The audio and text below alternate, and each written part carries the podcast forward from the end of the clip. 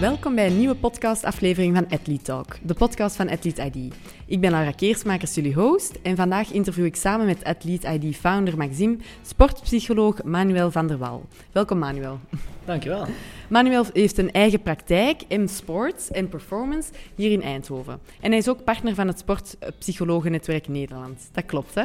Ja. ja, en als sportpsycholoog. En wat houdt die rol net in? Wat is dat als job, sportpsycholoog? Hoe ga jij te werk?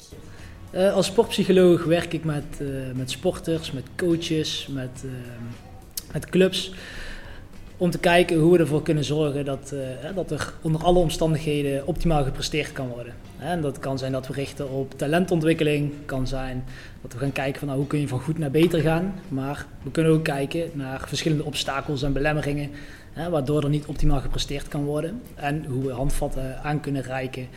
Uh, om prestaties wel te verbeteren. En ben jij gespecialiseerd in bepaalde sporten daarbij of gaat dat heel breed? Uh, het is heel breed. Uh, ik doe heel veel vanuit, vanuit voetbal op dit moment. maar ik heb ook een hoop wielrenners. Ehm, ik doe ook veel in het, in het honkbal, tennissers, vechtsport, MMA, boksen.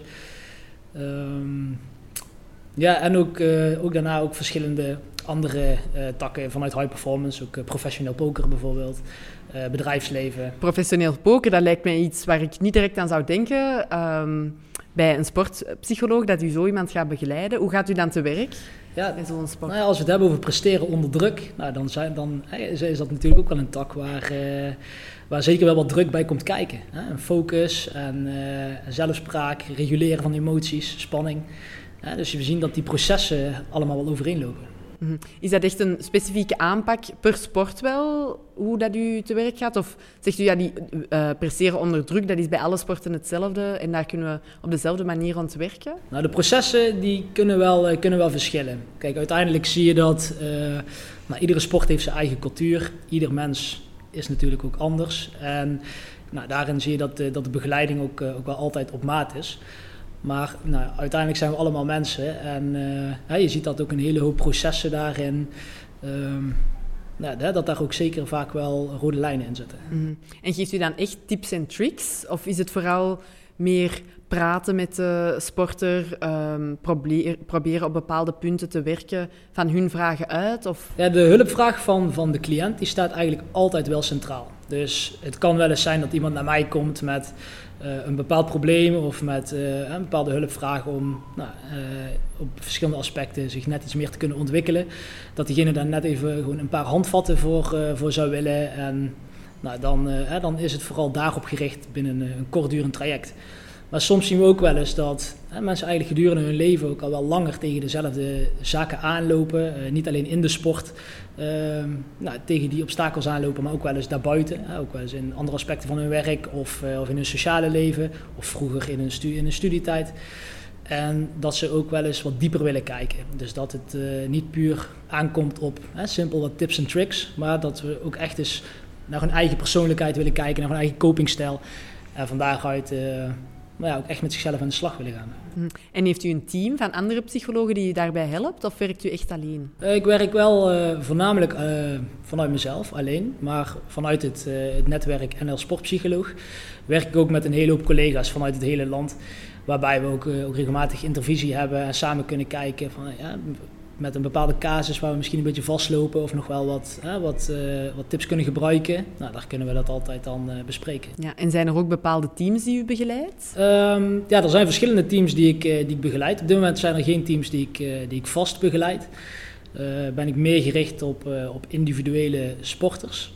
Um, maar in het verleden heb ik wel meerdere teams begeleid. Ja. Mm -hmm. En hoe is uw interesse in sport zo ontwikkeld? Want u heeft psychologie gestudeerd, maar dan toch voor sportpsycholoog gekozen om dat als beroep te doen. Hoe is die interesse gekomen? Ja, die interesse in sport is, uh, is wel met de paplepel ingegoten eigenlijk. Uh, ja, als jonge jongen... Nou, ik denk met, uh, zoals veel mensen, die zijn dan door, door vader meegenomen naar de plaatselijke voetbalclub. samen met mijn broertje. En dan nou, het hele weekend dan dan liep je daar rond en was je aan het sporten en aan het spelen met, uh, met andere kinderen. En nou ja, zo is die passie voor sport eigenlijk wel ontstaan. En later, uh, naast voetbal ben ik ook gaan honkballen en uh, ook meer in de vechtsport, ook, ook meer dingen gedaan. Ehm, eigenlijk in de, in tijd dat ik begon met psychologie, het was in 2004, toen had je nog niet echt de richting sportpsychologie. Dus dat, ja, dat, dat was niet echt een richting die je kon kiezen. Maar ik merkte wel altijd bij mezelf dat ja, sportomgeving was altijd wel de omgeving waarin ik me het meest prettig voelde en eigenlijk gewoon het meest gelukkig was ik als ik op een sportveld stond. Dus ik maakte op een gegeven moment de keuze om te kijken van nou, hoe kan ik psychologie en de sport met elkaar verenigen.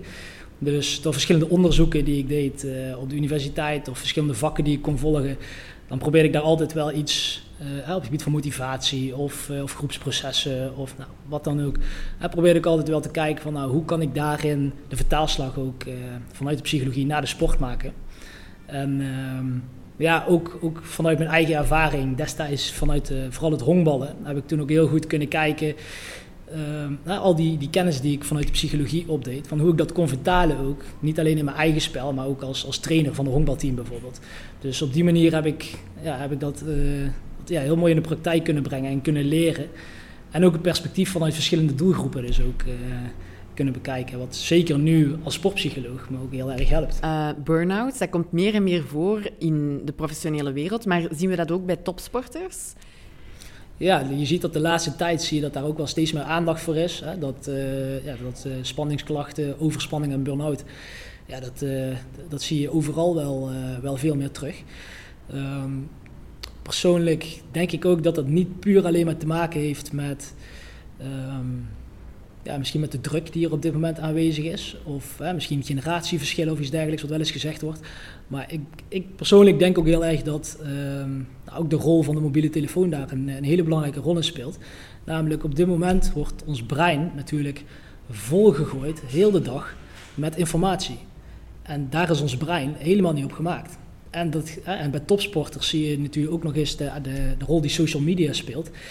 Ja, dat zijn, dat zijn dingen die, ja, die houden je eigenlijk gewoon constant bezig. Terwijl het ook zo belangrijk is om af en toe eens ook gewoon lekker af te schakelen en uh, met iets totaal ander, anders bezig te zijn. Je bent niet alleen maar sporter, maar je bent misschien ook iemands eh, vriend of vriendin of iemands uh, zoon of dochter. Of misschien vind je, uh, ben je profvoetballer, maar vind je het ook wel eens leuk om in je vrije tijd een beetje te basketballen met je vrienden. Of lekker door de stad te banjeren.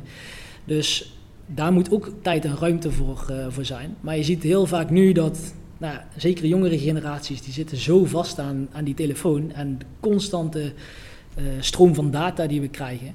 Dus ik denk dat dat ook zeker wel een belangrijke factor is in waarom we zeker nu in deze tijd zoveel spanningsklachten en burn-out zien. Want ook bij oudere mensen, hè, mensen van uh, rond de 60, hoor ik het ook heel veel in mijn omgeving. En die mensen, ja, die zijn ook nog vanuit hè, de oude generatie. Dus je kan niet meer zeggen, het is een generatieverschil. Want bij die generatie gebeurt het ook. Ja, het, is nu, het zijn nu de Olympische Spelen in Tokio. Dat is ook veel stress natuurlijk voor de, voor de uh, atleten. Ze willen een topprestatie neerzetten. Maar ook alles komt er nog bij van media, pers, sociale media, zoals u zegt. Heeft u ook atleten voorbereid om naar de Spelen te gaan? Kijk, als je kijkt naar... Kijk, stress is eigenlijk ook, ook relatief. Hè? Dus er wordt ook wel eens gezegd dat uh, de grootste bron van menselijk leed is onze eigen gedachte. Het is maar net hoe je, hoe je er zelf naar kijkt. Dus ook wanneer je een vol stadion inloopt, kun je denken van, oh, dit is heel eng, stel dat ik een fout maak en uh, iedereen kijkt naar me. Maar je kan ook denken, oh, het hele stadion zit vol, ik kan uh, een kunsten laten zien voor 30.000 man. Hoe gaaf. Precies dezelfde situatie, maar een totaal andere manier van kijken naar die situatie. dus uiteindelijk zijn dat ook dingen waar... Um, hè, waar, je, waar je met sporters ook, ook heel erg naartoe werkt. Dat het ook niet zozeer puur is van hey, je moet iets in de, in de context veranderen, hè, in de situatie. Maar soms juist is in de manier waarop je zelf kijkt naar die situatie en daarmee omgaat. Ja. Is er al voldoende aandacht voor um, ja, psychologie in de sportwereld, dat dat toch wel een belangrijk onderdeel is? Ja, het begint wel steeds meer te komen. En nou ja, uiteindelijk denk ik dat het ook ook een beetje maatschappelijk is. Hè. Dat, natuurlijk in de, in de samenleving heb je altijd wel een klein beetje een taboe gehad op, op psychologie, op het mentale. Ik denk zeker ook nu met corona dat, dat het taboe wel weer een stuk minder is. Iedereen heeft afgelopen jaar te maken gehad met stress, met uh, aanpassingen, flexibiliteit. Hè. Het woord veerkracht werd in Nederland ontzettend veel gebruikt het afgelopen jaar.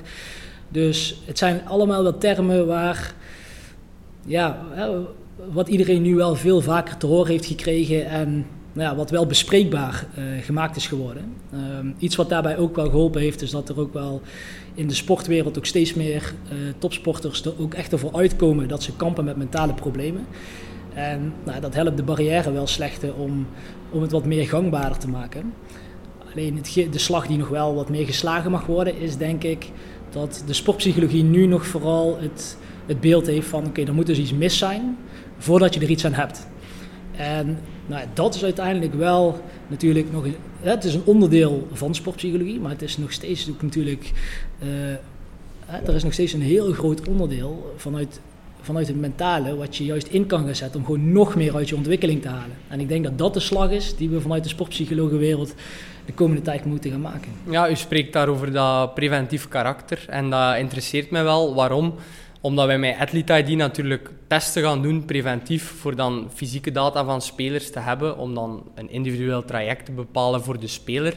Maar is dat dan ook zo in de sportpsychologie? Allee, gelooft u echt in sterke tests aan het begin van het seizoen bijvoorbeeld voor sporters, om dan op basis van die tests een, een traject mee te geven met de speler of atleet? Uh, nou, een test is, uh, kan zeker behulpzaam zijn uh, ter indicatie. Ze zeggen natuurlijk niet voor niks meten is weten. En zeker de topsport wordt steeds meer data gedreven. Dus ook mentale constructen, nou, dat kun je natuurlijk ook vangen met verschillende tests. Uh, dus ik denk dat dat een absolute meerwaarde is. Daar zit wel een hele grote maar aan. En dat is namelijk dat um, je moet ook denk ik niet zo snel mensen afserveren op basis van die test. Want heel veel van die constructen zijn namelijk wel te trainen. Hè? Dat zijn wel dingen waarin je, als je bijvoorbeeld ziet dat iemand, uh, dat er in een bepaald soort mindset. Hè, dat, het, dat er nog heel veel winst in mogelijk is. Dat je zegt van nou diegene nemen we niet, want die heeft niet de mindset die we, die we willen zien. Terwijl juist door de juiste begeleiding, dat diegene wel die mindset kan ontwikkelen die je graag wel wil zien. Dus het gaat niet zozeer om dat ik denk dat, goed of, uh, dat er een goed of fout is met testen, maar meer hoe dat jij als club of als trainer bijvoorbeeld omgaat met die testen. Ja, ik ga nu een heel specifiek voorbeeld geven. Maar ik had zelf ooit een speler bij mij die heel egocentrisch was. En in combinatie met perfectionistisch. Maar in het begin werd dat als negatief beoordeeld door alle mensen van de club als we over die persoon aan het praten waren. Maar ik had zoiets in mijn eigen van, ja, je kunt eigenlijk ook perfect gaan omdraaien. En dat egocentrisme kan net de sterkte zijn voor die speler om zich volledig te ontplooien als topsporter. Um, dus ik denk dat jij daar misschien wel iets in kunt aanvullen, dat dat inderdaad ondanks dat dat misschien een negatieve karaktertrek is, wel kan omgedraaid worden, vraag ik me dan af. Eh. Ja, en het, uiteindelijk uh, wil een stukje egocentrisme en perfectionisme wil ook niet per se heel erg zijn natuurlijk. Hè. Het, er zitten natuurlijk ook aspecten in die heel erg kunnen helpen. Dus uh, waarschijnlijk is het ook iemand die heel erg opkomt voor zichzelf. Hè, die ook constant beter wil worden, die niet genoegen neemt met, met een zes, maar wel altijd streeft naar, naar meer. Ja. dus nou, daar zitten absoluut hele, hele positieve aspecten in. Maar nou ja, daar zitten natuurlijk ook wel bepaalde valkuilen in. Waar het wel van belang is dat zo iemand daar zich ook van bewust is en daar ook mee om leert gaan. en dat is dan ook, zeker als we het dan hebben bijvoorbeeld over een jonge speler. Dus eigenlijk, we hebben het dan over kinderen en jongeren. Nou ja, wie heeft er niet in, eh, in zijn jeugd uh, zichzelf ontwikkeld als persoon?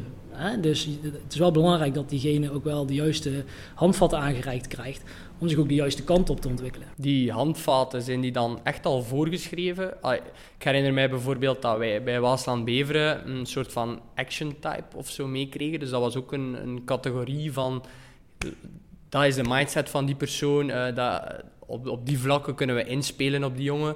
Maar zijn er dan ook echt adviezen gekoppeld aan, aan het karakter van de persoon? Of is dat iets dan nog de komende jaren moet onderzocht, verder onderzocht worden uh, daarin. Nee, je kan absoluut specifieke adviezen geven op basis van, uh, ja, van de persoonlijkheid van, uh, van degene die je voor je hebt. Dat werkt alleen maar beter.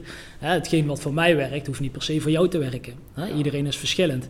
Dus natuurlijk is er wel onderzoek gedaan hè, wat, nou, wat voor de meeste mensen vaak wel werkt. Maar daarin heb je natuurlijk altijd maatwerk. En is het heel belangrijk om te kijken van nou, wie, wie is de persoon die ik, die ik voor me heb. En nou, vanuit de methode die je toepast, moet daar ook een match zijn. Ik maak zelf bijvoorbeeld gebruik van uh, het Spotlight Performance Profile. En uh, dat is een, uh, nou, een, een, profiel waarbij we eigenlijk kijken naar iemands, iemands natuurlijke prestatievoorkeur. Waarbij we mindset en gedragsstijl in kaart brengen. En hoe, hoe, we zo eigenlijk kunnen kijken van nou, hoe kunnen we hetgeen wat van nature in iemands persoonlijkheid zit, hoe kunnen we dat op zo'n manier inzetten dat diegene optimaal kan presteren. Dus eigenlijk het beste uit zichzelf kan halen. En ja, hetgeen wat ik daar ook altijd wel heel belangrijk vind is... Kijk, wat ik net ook al zei is, het is maar net hoe je een test gebruikt. En kijk, wat je bij action typing bijvoorbeeld ook nog wel vaak ziet, is dat wordt, hè, bijvoorbeeld wordt gezegd van, oh dat is typisch een, uh, typisch een voeler. Oh, is typisch een denker, dus nou, hij zal wel uh, dit of dat doen, of dat kan hij niet. Terwijl daarmee ontneem je dus juist iemand de mogelijkheid om zich te ontwikkelen.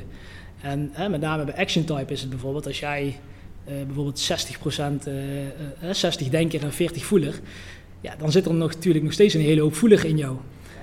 Dus daarmee ontneem je eigenlijk al wel weer een hele hoop informatie. Dus je moet daar altijd wel heel voorzichtig mee zijn. Maar je kan, het zeker, ja, je kan zeker wel uh, psychologische testen gebruiken in de begeleiding van je sporters. Dus u zegt eigenlijk dat er wel een soort trainbaarheid is um, om dat psychologisch profiel uh, te gaan veranderen van een speler. Als je in Belgische clubs kijkt, is er vaak wel al een soort van beginstructuur dat er getest wordt aan het begin van het seizoen. En wordt er ook al eens een teambuilding georganiseerd of tijdens de wedstrijd besprekingen gezegd van uh, we moeten hier een over mijn lijk mentaliteit creëren. Maar denkt u dat dat nog verder kan gaan dan die kleine zaken? Ik bedoel, dan kan dat echt geïntegreerd worden in een trainingsplan van een speler of een atleet om die psychologische triggers uh, te gaan aanbieden? Of um, hoe denkt u daarover? Ik denk dat het wel de toekomst is. Ja. nu is het vaak nog iets wat, uh, wat erbij gedaan wordt, de mentale training, of iets dat wanneer het wat minder gaat met een team bijvoorbeeld, of de prestaties vallen tegen, dan wordt er gezegd, nou, hè, zet er een sportpsycholoog bij, want uh, er moet iets omgedraaid worden.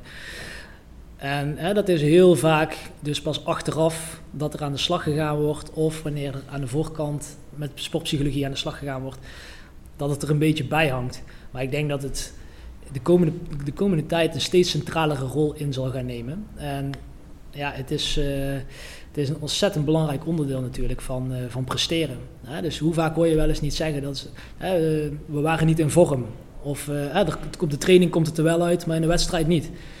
Of er, er zit een goede kop op. Of zijn mentaliteit was niet goed. Ja, dat zijn allemaal mentale dingen. De potentie is nog steeds hetzelfde. Maar of het eruit komt of niet, dat is dus puur mentaal. Het mentale, maar ook de mindset, dat is het allerbelangrijkste eigenlijk. De mindset van de sporter. Hoe probeert hij dan daar het beste uit te halen en zoveel mogelijk te motiveren om een positieve mindset te hebben, zeg maar, om, uh, om te kunnen slagen en om te kunnen winnen als sporter? Ja, vanuit mindset maken we, maken we bijvoorbeeld het onderscheid tussen een groeimindset en een statische mindset. Uh, vanuit de groeimindset ben je dus geleerd op, of ben je gericht op leren en op ontwikkelen. Daarin denk je ook dat talent maakbaar is. En fouten zien we dan ook als leermomenten. Dus dat is ook iets wat we, wat we juist ook graag willen stimuleren. Dat, ook bij spelers willen we altijd zien dat ze durf tonen, dat ze acties maken.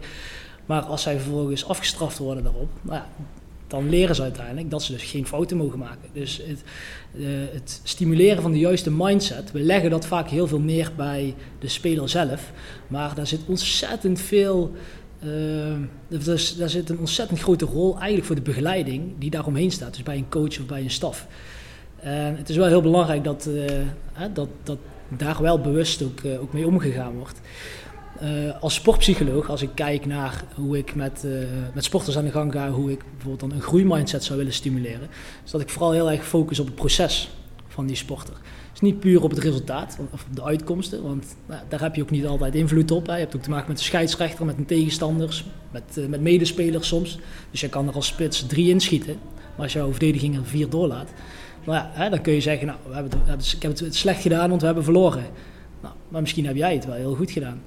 Dus het is ook heel erg van belang niet te veel te focussen puur alleen maar op de uitkomsten, maar ook te kijken juist op datgene waar je zelf wel invloed op hebt. En dat is het proces. Wanneer je actief met het proces aan de slag gaat en gaat kijken vanuit, een, vanuit bewustwording van oké, wat kan ik, uh, waar ben ik goed in, waar ben ik misschien minder in en wat is er benodigd voor de taak en hoe ga ik me daarin ontwikkelen.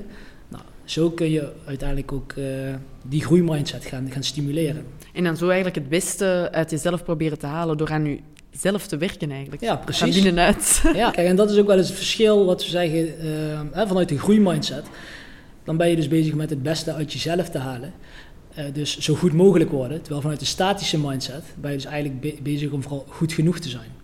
En daar zit in de praktijk echt een heel groot verschil tussen. Als we je zo horen praten en ook als we kijken naar je website, is die high performance echt wel belangrijk om zoveel mogelijk talent te ontwikkelen. Maar wat is high performance voor u? Wat verstaat u daaronder? Uh, voor mij is high performance constant beter willen worden en, en grenzen verleggen. Hè, dus uh, nou, denk bijvoorbeeld misschien maar eens aan, uh, aan vroeger, toen, toen je 18 was en je had een bijbaantje ik stond bijvoorbeeld achter de bar uh, biertjes te tappen.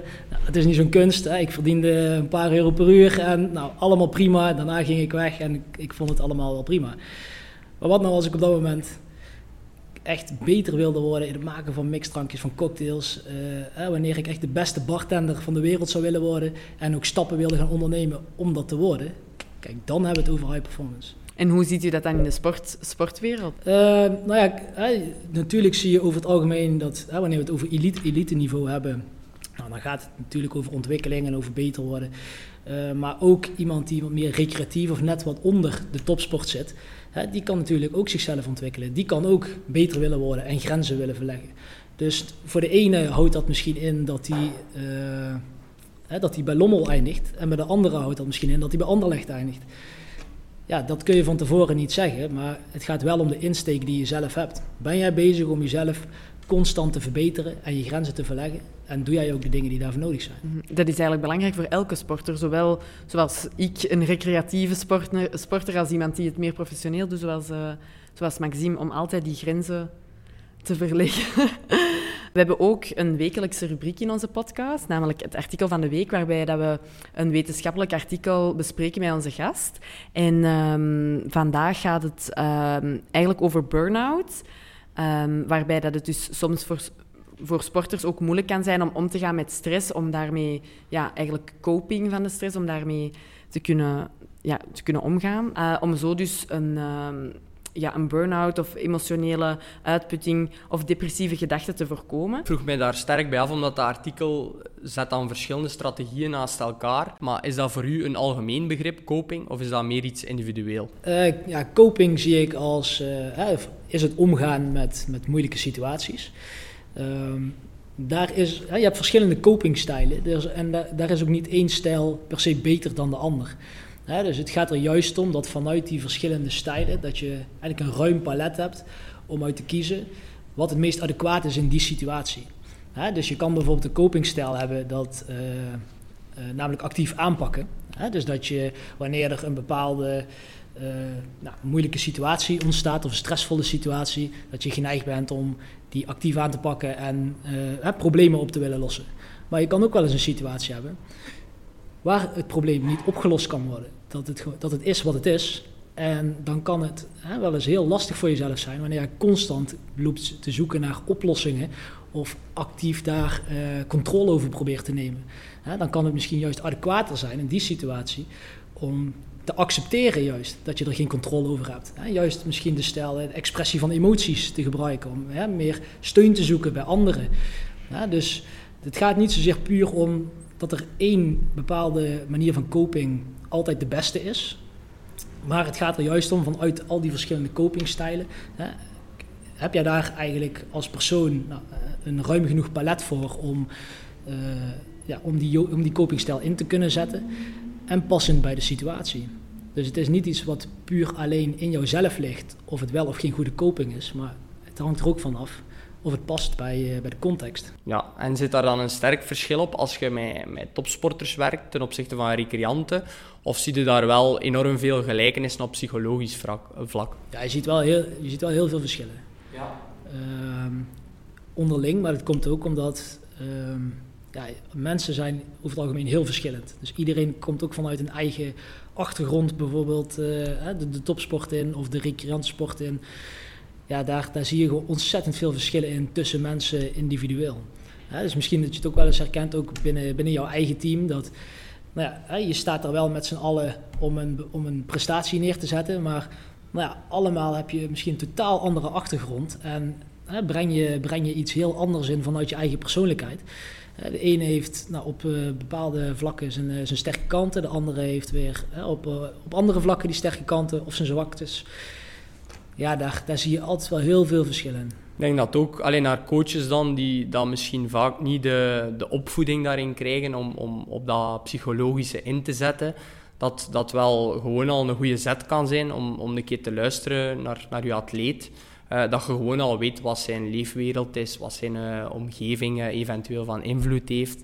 Um, dat je ook vaak die één op één gesprekken gaat opzoeken, omdat dat dan wel wat automatisch komt als ze u als vertrouwd persoon zien dat ze dan zelf wel gaan babbelen over bepaalde problemen. Uh, kunt u dat bevestigen of zegt u van, ja, nee, het is uh, eigenlijk beter om, om zelf een structuur neer te zetten en, en niet te veel te gaan luisteren naar de atleet? Of uh, hoe ziet u dat?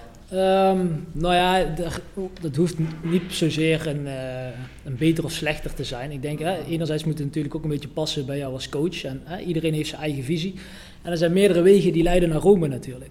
Hè, dus um, maar iets wat je wat je wel ziet de laatste jaren, wat wel een hele positieve vooruitgang is, denk ik, is dat er ook in, in uh, trainers- en coachesopleidingen ook steeds meer aandacht is voor coachingsvaardigheden. Hè? Dus juist voor hoe ga je om met mensen. En eerder was dat nog wel echt een heel erg ondergeschoven kindje. Maar nu zie je dat daar ook wel ook steeds, meer, uh, steeds meer les in gegeven wordt. En nou, dat is natuurlijk ook hartstikke goed, want je kan ook niet van iedereen verwachten dat, dat, dat iedereen dat in zich heeft of dat dat automatisch altijd goed is. Hè? Dus je moet trainers en coaches ook wel de juiste handvatten aanreiken waarop hè, waarmee ze ook dat onderdeel van, van, hè, van, hun, uh, van hun vak kunnen ontwikkelen. Ja. Uh, daarnaast zie je bijvoorbeeld ook, nou, als je kijkt bijvoorbeeld naar, uh, naar een trainer als Guardiola, nee, als Klopp bijvoorbeeld. daar zag ik laatst een, een interview mee en hij zei ook dat het eigenlijk zijn taak als coach was om betere mensen om zich heen te verzamelen. Dus hij is dan hij is degene die, die alles verbindt en, en, de eindverantwoordelijke. Maar hij zoekt iemand om zich heen die beter is in uh, fysieke training. Hij zoekt iemand om zich heen die meer weet van, van het mentale gedeelte, van de sportpsychologie. Hij zoekt iemand om zich heen die meer weet van voeding. Dus hij zoekt specialisten die hem daarin adviseren, die hem een hele hoop dingen uit handen kunnen nemen. En van daaruit, vanuit al die informatie die hij vanuit die specialisme krijgt, nou, daarin maakt hij vervolgens zijn, uh, zijn beslissingen. Ja, ja, dus je kunt eigenlijk uh, beter op zoek gaan als je natuurlijk de middelen en het budget daarvoor hebt, uh, om een sterk team te gaan creëren die in elk vak expert is, um, dan misschien op lagere niveaus, waar dat je wel door kleine coachingsvaardigheden aan te leren, uh, ook wel die next step zou kunnen zetten om je atleten toch naar een hoger niveau te brengen, ook op uh, psychologisch vlak dan, kan ik concluderen. Ja, ik denk wat dat betreft wel dat je, hè, misschien inderdaad op als je wat op een lager niveau traint, hè, minder financiële mogelijkheden zijn, nou, dat je zelf misschien wat ruimer in je, in je vaardigheden moet zetten, om het zo te zeggen. maar aan de andere kant kun je natuurlijk ook zeggen dat je van, met de club waar je, waar je voor werkt, dat je gaat kijken naar uh, verschillende creatieve mogelijkheden. Hè? Dus je kan ook zeggen van nou, wij hebben niet de financiële mogelijkheden om uh, specialisten in dienst te nemen, maar we kunnen wel samenwerkingen op gaan zetten. Hè? Dus dat we op die manier, wanneer wij hè, zien dat de speler bepaalde behoeftes heeft, nou, dat we diegene naar die partij door kunnen verwijzen. En die, uh, nou, die wordt dan misschien niet direct door ons betaald, maar dat de speler daar dan bijvoorbeeld zelf misschien voor zorg draagt. Maar als een speler inderdaad beter wil worden en zichzelf wil ontwikkelen, nou, dan, uh, ja, dan is dat een investering en een verantwoordelijkheid die ligt bij de speler zelf. En dat dat inderdaad uh, interessant is voor onze luisteraars. Als je dan nog één gouden tip zou moeten meegeven, um, dat kan naar coaches zijn, dat kan naar spelers zijn in het omgaan met stress. Um, wat zou dat dan zijn? Uh, ga uit van je kwaliteiten en datgene wat jou bijzonder maakt. Ik denk dat uh, toevallig in, die, in de periode dat ik in de jeugdopleiding bij PSV werkte, toen een trainer dat eigenlijk wel treffend. Die zei ja, we, je ziet in het, in het hedendaagse voetbal dat we heel veel bezig zijn om van de vieren en vijven een zes te maken. Dus als we een zwak linkerbeen hebben, om dan constant maar te trainen op, op dat linkerbeen. Of als we nog niet snel genoeg zijn, om alleen maar die snelheid te verbeteren. Maar dat is niet hetgene wat jou uiteindelijk in dat stadion gaat brengen. Die, die 7 en 8 die jij een 9 kan gaan maken, hey, dat is die kwaliteit die jou uiteindelijk hè, uh, op dat niveau gaat brengen waar jij wil komen. Hè? Die geweldige voorzet, of de killer instinct in de 16, of, uh, hè, of die, uh, die perfecte timing bij je tackles. Hey, als dat ook hetgeen is wat jou zover gebracht heeft, nou, ga daar ook zeker, ga dat juist ontwikkelen. Ga juist dat specialisme nog meer eigen maken. Um, nou ja, misschien dat je het ook wel herkent van van vroeger. Als je op school zit en je bent bezig met een vak waar je niet zo goed in bent. En je, hè, moet daar net een zes voor halen. Ja, dat is helemaal niet leuk om mee bezig te zijn. Maar juist die vakken waar je goed in bent. Hè, bij sport is dat natuurlijk vaak gym. Of nou, wat voor vak het ook is. Nou, dat is vaak leuk om mee bezig te zijn. Dus ook wanneer jij constant op, met trainingen bezig bent met jouw zwakke punten en hetgeen waar je niet goed in bent, dan doet dat natuurlijk ook iets met jouw motivatie, met jouw plezier in de sport.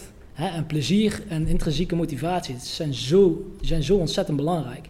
Dus wanneer je uitgaat van je kwaliteit en doet wat je leuk vindt, nou, dan zul je ook zien dat je plezier, je motivatie en dus ook je prestatie daarvan profiteren. Ja, dat is leuk om te horen, want dat is, dat is ook bij ons, bij Athlete die onze visie eigenlijk om uh, meer te gaan inzetten op die sterke punten, ook bij onze trainingen die we aanbieden.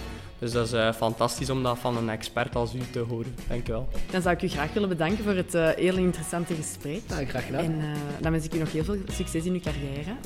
Ja, hetzelfde, bedankt. Dank u.